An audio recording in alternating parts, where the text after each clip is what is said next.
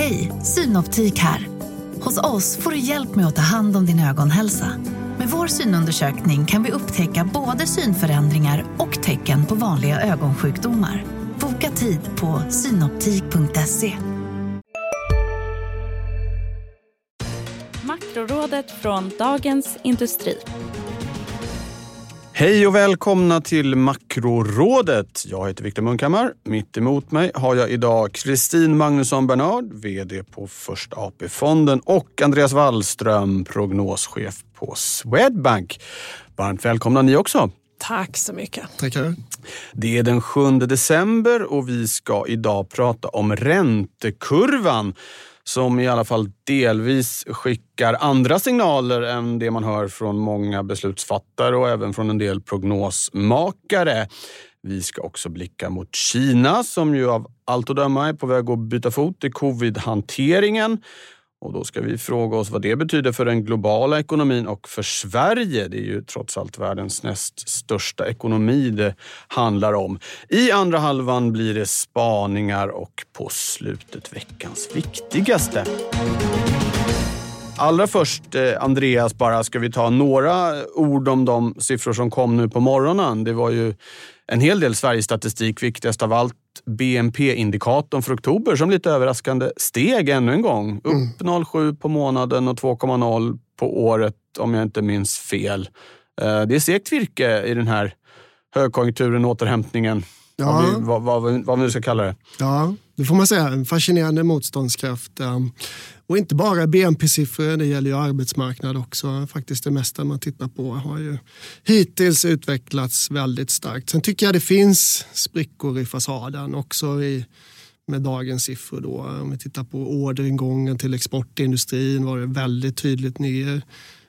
Hushållens konsumtion har ju utvecklats svagt faktiskt eh, sedan en tid tillbaka och i förlängningen så borde det leda till liksom också en dämpad BNP. Men vi får väl glädjas åt att det hittills då ändå ser ganska bra ut. Ja, Kristin, du sa innan här att den mest välannonserade lågkonjunkturen genom alla tider. Någon har gått, hade gått och väntat i nio månader. Ja, det finns ju prognosmakare som nu säger att den här lågkonjunkturen vi har prognostiserat i nio månader, den kommer närmare. Och det är ju svårt att inte instämma i det påståendet. Ja. Men jag delar Andreas bild att den framåtblickande delen är svag samtidigt som den bakåtblickande delen, för det är ju faktiskt det vi får här fortfarande fortfarande hållit uppe väl. Ja, då kan man väl lägga till också sånt typiskt sådana framåtblickande som inköpschefsindex, eh, KIs barometer och sånt. Eh, de talar ju sitt tydliga språk och det är inget språk som är kul Varsel att höra. Varsel går upp ganska mycket också, även om inte allt detta förstås sen omsätts i arbetslöshet. Men tydlig varseluppgång. Ja.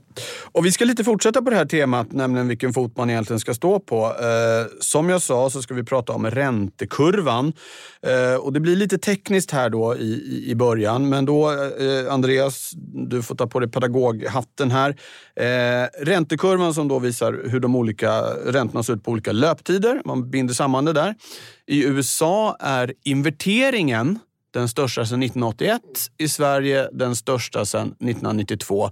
Och då tänker jag att du ska dels få berätta vad, vad betyder inverterad och sen också förklara varför skulle det här säga någonting om, om eh, ekonomin framöver? Mm. Om, om, vi börjar yes, där. Jag startar så ja. får ni, Kristin ja. fylla i kanske. Ja.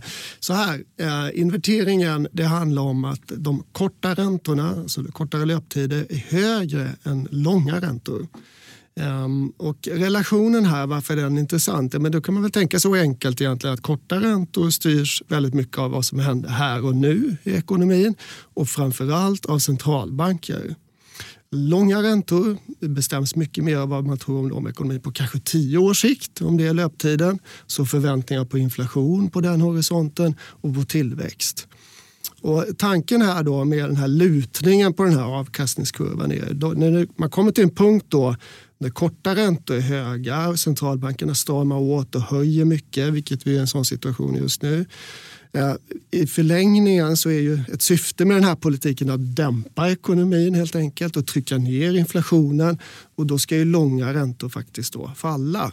Och det är det vi ser just nu. Då. Så förväntningar om framtiden då är ganska lågt ställda. Men just här och nu då så kommer centralbankerna trumma på mycket. Sen att den just inverteras, att den liksom bryter igenom nollan, det är ju lite siffermagi skulle jag säga. Och det är kanske inte det mest intressanta, även om jag vet att historiskt har varit en fantastisk recessionsindikator. Ja, precis, det har varit en väldigt träffsäker indikator. In, innan jag bara släpper dig helt med det teoretiska och tekniska, Andreas. En invändning som en del har haft mot att man tittar för mycket på den här räntekurvan nu är att den man kan säga att den är lite manipulerad av att centralbankerna har ju varit väldigt aktiva med stora köp av räntepapper de senaste åren.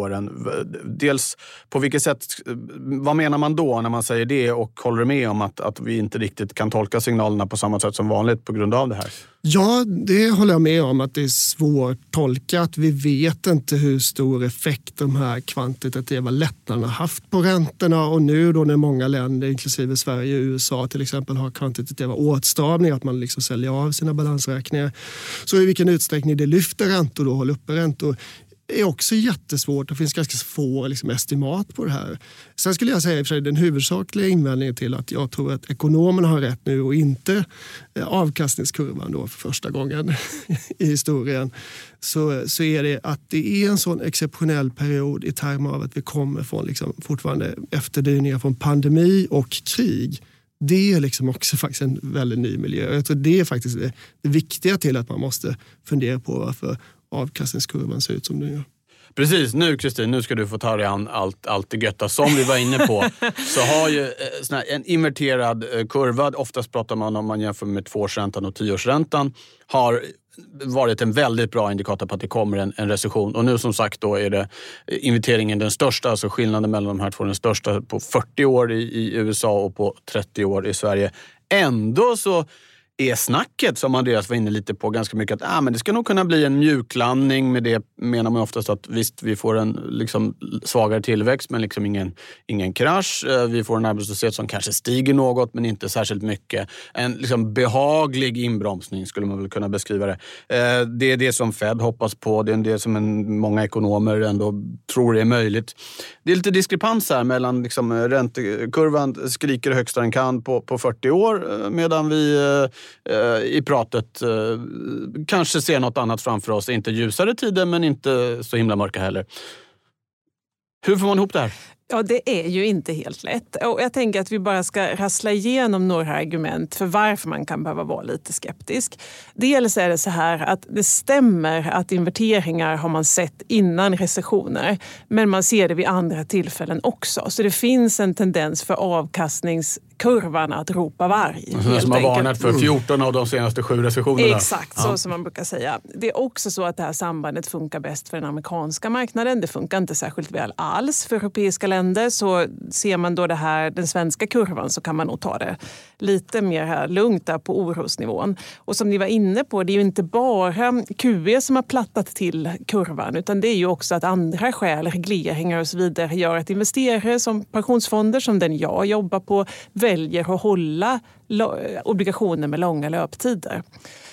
Men sist men inte minst så kan man ju säga att det är ingen som egentligen riktigt ordentligt har lyckats förklara varför. Vad är sambandet mellan recession och en inverterad avkastningskurva?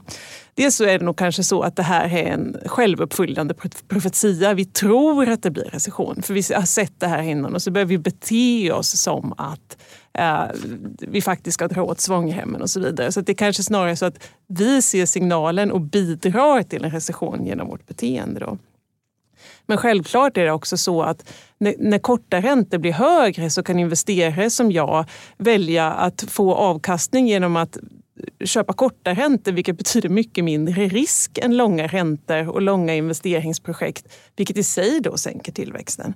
Så att man, man får ta allt det här med en nypa salt och också kom ihåg att tittar ni på aktiemarknaden, vad som diskonteras där till exempel, så är det inte en recession. Och då funderar man på, är det här konsistent?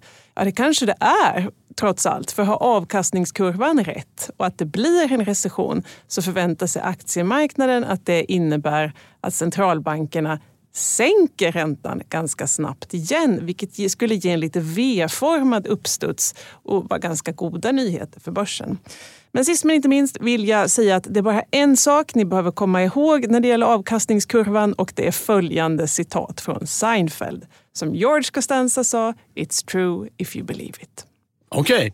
Okay. Eh, skepsis där eh, lite då kring signalen. Och det var ju också du inne på Andreas, att eh, kurvan har fel, ekonomerna eh, och Powell, eh, centralbankschefen man. Man kan väl, eh, bara en väldigt kort ifyllnad där, man kan väl se det där lite som att det är teknisk analys i stort. Många sitter och tittar på grafer och också på specifika aktiekurser och sådär och, och drar linjer och då liksom försöker förutse vad som ska hända. Och, och, och utvärderingen säger ju systematiskt att det där funkar ju inte. Men en faktor som skulle kunna förklara att det funkar är just att folk faktiskt tror på det och många gör det. Då kan det bli självuppfyllande. Men då Andreas, ändå, Swedbank som du jobbar på, ja. ni har en prognos på svensk BNP på minus 1,0 va? Ja. nästa år. Mm. Kvalar inte det in eh, i det här eh, som avkastningskurvan skulle ja, indikera? Det, eller är det en för liten nedgång för att liksom matcha den här stora inverteringen? Det, det är väl också då eh, en oklarhet. Vad är en recession? måste man ju då definiera. Ja. Och I USA så finns det ju då en tydlig faktiskt definition av det. NBR i efterhand klassificerar det här var en recession. Något sånt har vi faktiskt inte i Sverige. Och precis som Kristin nämnde så liksom det här är mest tillämpligt på USA. Jag skulle kalla det vi i Sverige går in i för en lågkonjunktur och inte recession. Eh, därför att det är inte tillräckligt stark och eh, långvarig nedgång enligt vår prognos. Nej. Och det är inte heller så att hur mycket kurvan inverteras kopplas till hur djup nedgången blir i ekonomin. Det sambandet finns inte utan det är ett ja-nej-samband. Blir det en nedgång? Ja. Ja. Antagligen. Ja, Okej. Okay. Bra.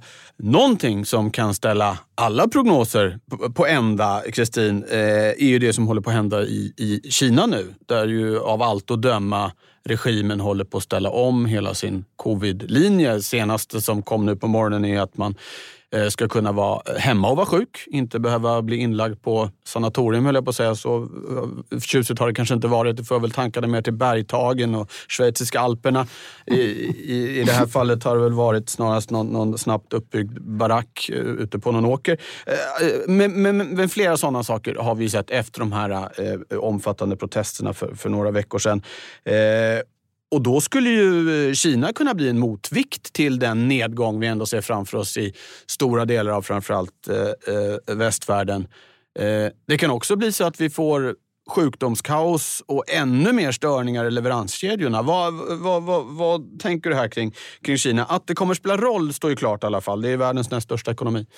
Så är det. Och om vi försöker ta det lite i, eh, på någon slags systematisk ordning här. Så det som då händer är att man har aviserat ett antal lättnader i covidpolitiken. Kinesiska aktiemarknaden har fått glädjefnatt på nyheterna. Samtidigt så är då aktivitetsindex, export importsiffror och så vidare jättesvaga. Så det är ju inte så att realekonomin än, fastighetssektorn och så vidare har fått tagit fasta på det här. Jag gissar att öppning kommer ske i två faser. Man kommer först behöva testa och se lite. För precis som du säger, har man låg vaccinationsgrad, en högt belastad sjukvård redan i utgångsläget och precis som alla andra länder som öppnar upp så kommer det nog bli lite värre först det gör också att jag tror inte att man ser så mycket i ekonomin förrän kanske andra halvan av 2023. Och det är ju också om allt går väl då så tror jag man kan få en ordentlig uppstuds mot andra halvan.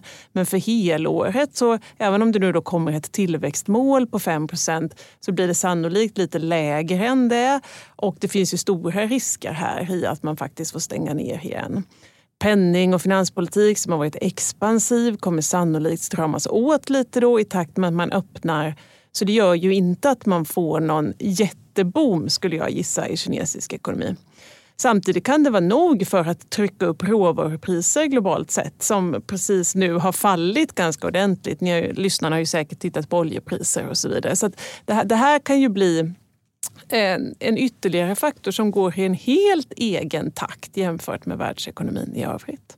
Ja, och vad blev slutsatsen där? ja, men jag, jag, tror att slutsatsen är visst, jag tror att det blir en större tillväxtimpuls jämfört med i år. Men det blir inte den här stora kraftiga rekylen som kanske alla hoppas på. Utan tittar vi på tillväxt mellan 2 och 3 procent i år så hamnar den väl kanske mellan 4 och 5 nästa år. Och visst är det en fördubbling. Men eh, det, det, inte, det löser inte allt. Nej, en parallell man kan dra annars, Andreas, till finanskrisen när ju Kina eh, fjärde kvartalet 2008 lanserade ett enormt stimulanspaket. Och visserligen så brakade de flesta ekonomier ordentligt i backen eh, 09 men att Kinas, som ju växte med ungefär 9 procent i året, bidrog till att hålla världsekonomin lite under armarna står helt klart. Fullt så mm. mycket hjälp verkar inte som vi kommer få om man ska tro Kristin. Nej, och frågan är också lite faktiskt vad vi ska önska oss. Lite som det Kristin inne på så skulle jag se ett scenario där Kinas framgång faktiskt blir Europas och USAs motgång eh, åtminstone i närtid. Och det handlar ju då om att det som mycket har drivit ner råvarupriser i år är ju Kinas motgång. Eh, och det är klart att skulle Kina vända upp till det bättre mer än väntat under nästa år, då skulle det driva upp råvarupriserna. Hej, Ulf Kristersson här. På många sätt är det en mörk tid vi lever i. Men nu tar vi ett stort steg för att göra Sverige till en tryggare och säkrare plats. Sverige är nu medlem i Nato. En för alla, alla för en. Vi är specialister på det vi gör, precis som du. Därför försäkrar vi på Swedea bara småföretag, som ditt. För oss är små företag alltid större än stora och vår företagsförsäkring anpassar sig helt efter firmans förutsättningar. Gå in på swedea.se företag och jämför själv.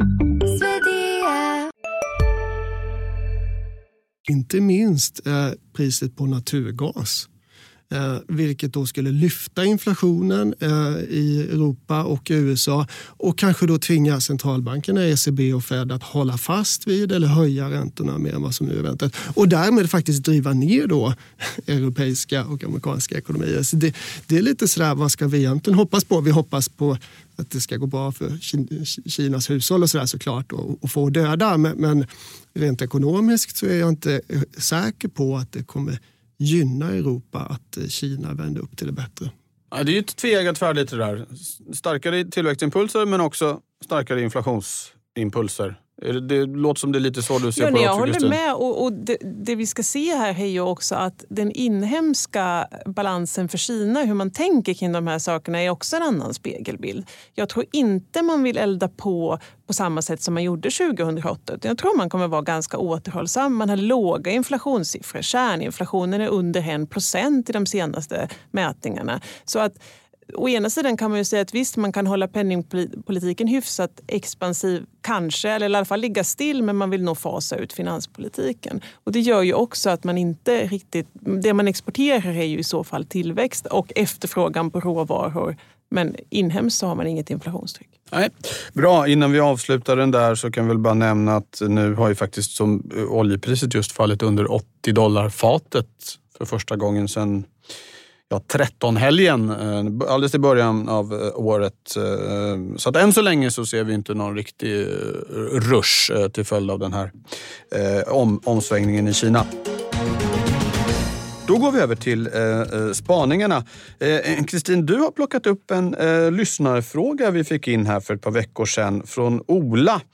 Eh, efternamnet har jag tyvärr tappat. Eh, om kopplingen mellan mikro och makro och hur Ja, du får berätta hur du tänker kring det. Det, det. det, räcker nog. Du kan inte tala för alla här Nej, som är gäster. Men det var ju väldigt trevligt med en lyssnarfråga. Så det här tänker jag, det måste vi spana kring. Ja. Och om vi börjar då traditionellt så finns det inte så mycket motsättningar mellan makro och mikro därför att de här stora makromodellerna man använder på centralbanker till exempel, det bygger på traditionell mikroteori då, där människor är rationella, vi är framåtblickande även om världen är osäker och det går att räkna ut på ett ganska standardiserat sätt i förväg hur vi kommer reagera på till exempel högre ränta eller inflation.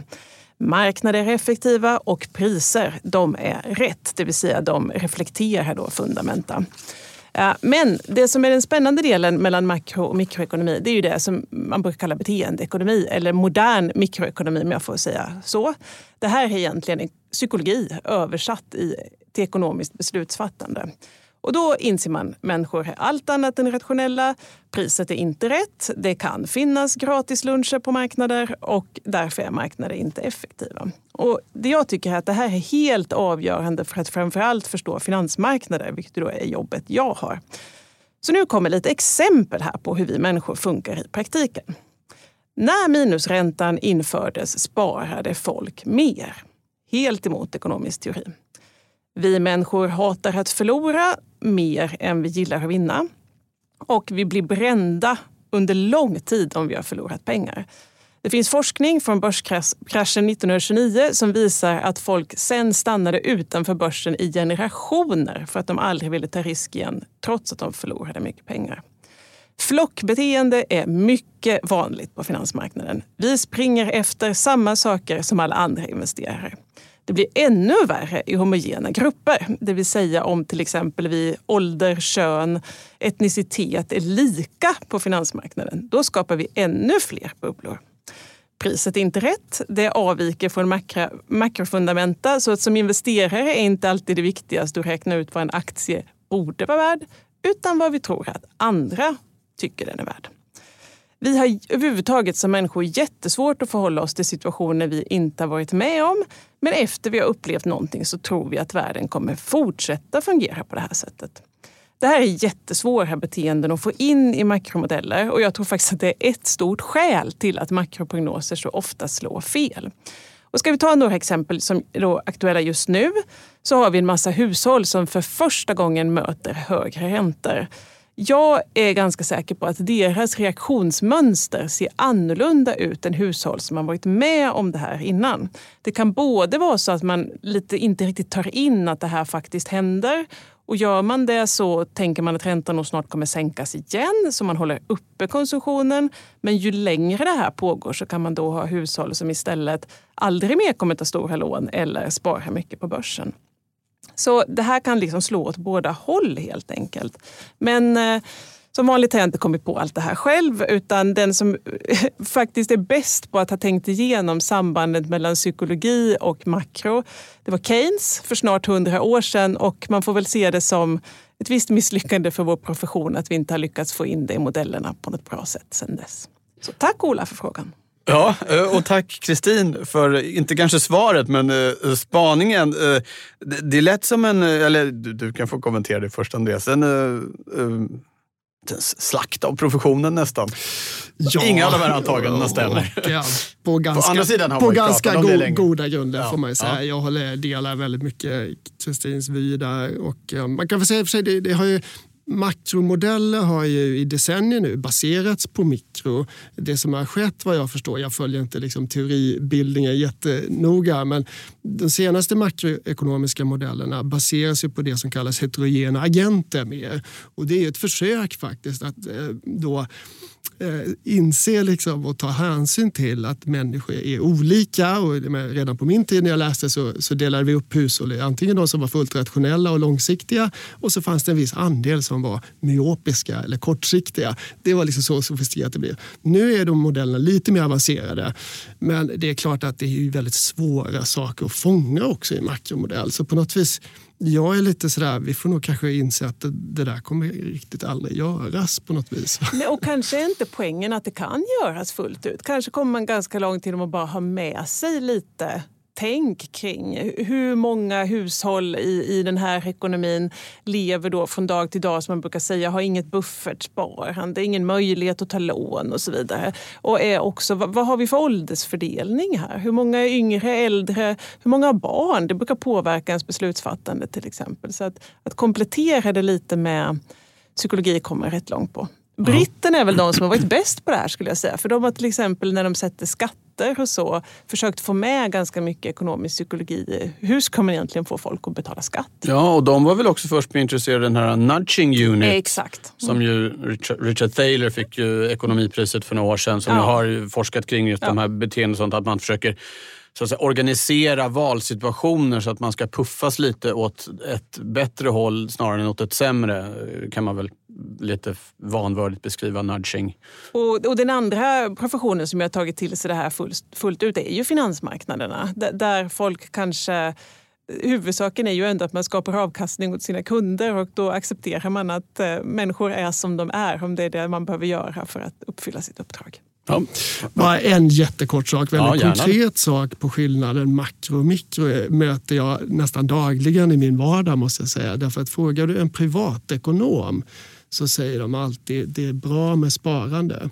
Frågar du en makroekonom idag så ser de risker med detta, inklusive jag själv. Därför att ett problem är om alla följer privatekonomernas råd att spara, spara, spara. Då kommer det sparas för mycket och det konsumeras för lite och så sänker det efterfrågan och ökar arbetslösheten. Det är liksom, tycker jag, en väldigt konkret skillnad på makro och mikro som jag möter dagligen. Ja. Och nu är det du som är här och pratar så då kan du säga konsumera då. Förutsatt att man har råd förstås. Ska vi säga. Bra, eh, tack för det. Det blev en lång och rolig utläggning. Eh, vi fick med både Keynes och eh, Richard Thaler. Eh, Andreas, Uh, nu blir det något mindre teoretiskt när du ska spana. Det handlar om nästa år och uh, hur Riksbanken ska förhålla sig i ett läge där inflationen i euroområdet biter sig fast längre än här. Är det korrekt ja, uppfattat? Jag är ju trots allt prognosmakare ja. så jag tänkte stå för en spaning inför nästa år. Då. Och då ska jag väl först säga att vår bas, vårt basscenario är det här att centralbanken kommer höja lite till i närtid men ganska snart i början på nästa år så tar det stopp. Man slår i räntetaket och faktiskt om ett då så börjar de sänka räntan och inflationen är övergående, trots allt transitory. Eh, men eh, jag tycker det finns en, en växande risk för att inflationen i euroområdet biter sig fast. Ehm, och eh, det skulle ju innebära, men det, dels finns det tecken på faktiskt att lönerna stiger lite mer än väntat. Eh, vi har en del länder i Europa, inte så många, men som faktiskt har inflationsindexerade löner. Eh, Belgien har det till exempel framför allt, va? vilket är ett fantastiskt sätt att skapa en löneinflationsspiral på. Ehm, Ja, inte någonting att rekommendera då ska jag säga. Men det finns lite tecken på inflation. Va? Och dessutom är det så att staterna i euroområdet generellt sett är ganska generösa i sina stöd till hushåll till skillnad från i Sverige. Eh, det har kommit ut pengar redan, man har satt tak på de där gas och elpriserna och sådär. Va? Eh, dessutom så är det så att det typiska europeiska hushållet är inte särskilt, särskilt räntekänsligt. Så de, de höjningar som ECB hittills har gjort har liksom inte märkts eller känts. Så att ECB skulle mycket väl kunna trumma på med ganska mycket räntehöjningar. Jag såg OECDs prognos för ett par, år, eh, för ett par veckor sedan eh, var var till exempel att de ska dubbla styrräntan från dagens nivåer. Då. Eh, och då kommer vi då till Sverige och konsekvenserna för det. Därför att en utmaning som Riksbanken och framförallt Stefan Ingves har pratat är att man måste hålla det här respektavståndet till ECB för att inte då kronan ska försvagas um, mer äh, äh, än nödvändigt. Att styrräntan inte kan avvika för mycket från ECB, yes, är det han menar det där. är det han menar där. Va? Och då tror jag helt enkelt, min spaning i det här scenariot om ECB tvingas trumma på mer så måste eh, Eh, Riksbanken, eh, eller jag hoppas åtminstone att de då faktiskt släpper det där respektavståndet. Därför att eh, svensk ekonomi är mycket mer räntekänslig och skulle man inte göra det och följa med ECB så skulle man verkligen sänka svensk ekonomi, inte bara i en lågkonjunktur utan då också en recession skulle jag säga.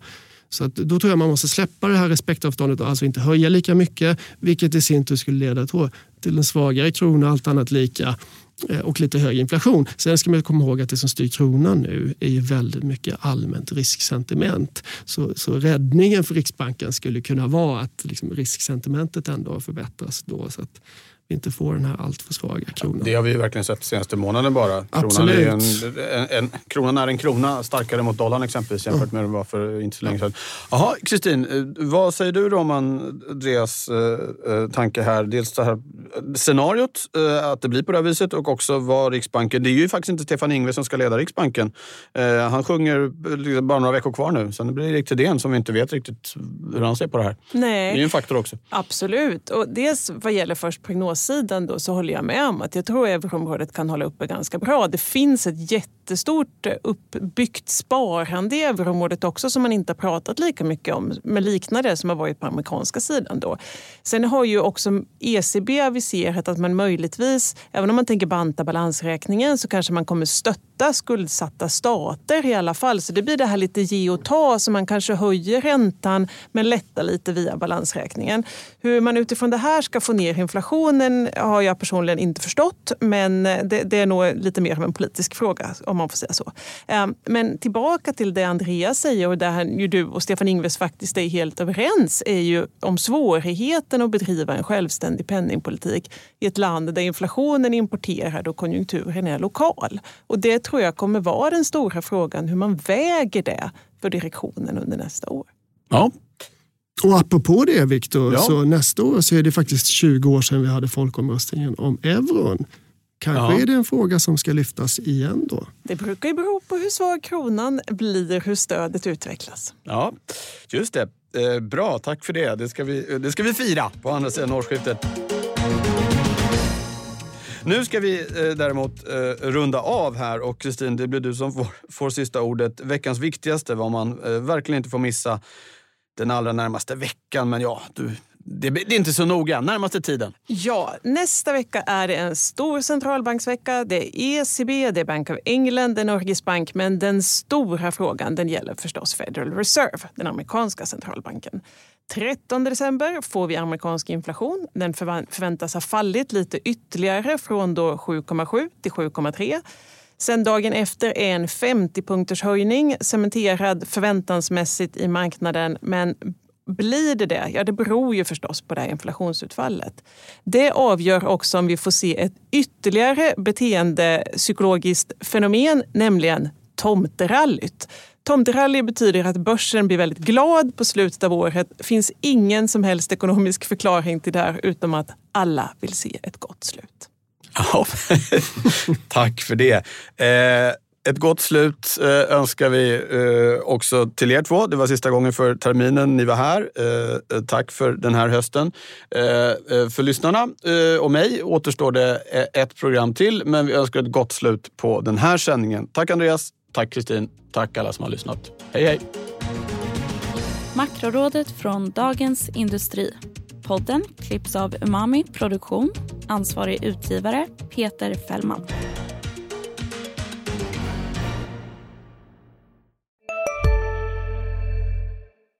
Hej, Susanne Axel här. När du gör som jag och listar dig på en av Krys vårdcentraler får du en fast läkarkontakt som kan din sjukdomshistoria. Du får träffa erfarna specialister, tillgång till lättakuten och så kan du chatta med vårdpersonalen. Så gör ditt viktigaste val idag, lista dig hos Kry. Välkommen till Maccafé på utvalda McDonalds restauranger med Baristakaffe till rimligt pris. Vad sägs om en latte eller cappuccino för bara 35 kronor? Alltid gjorda av våra utbildade baristor.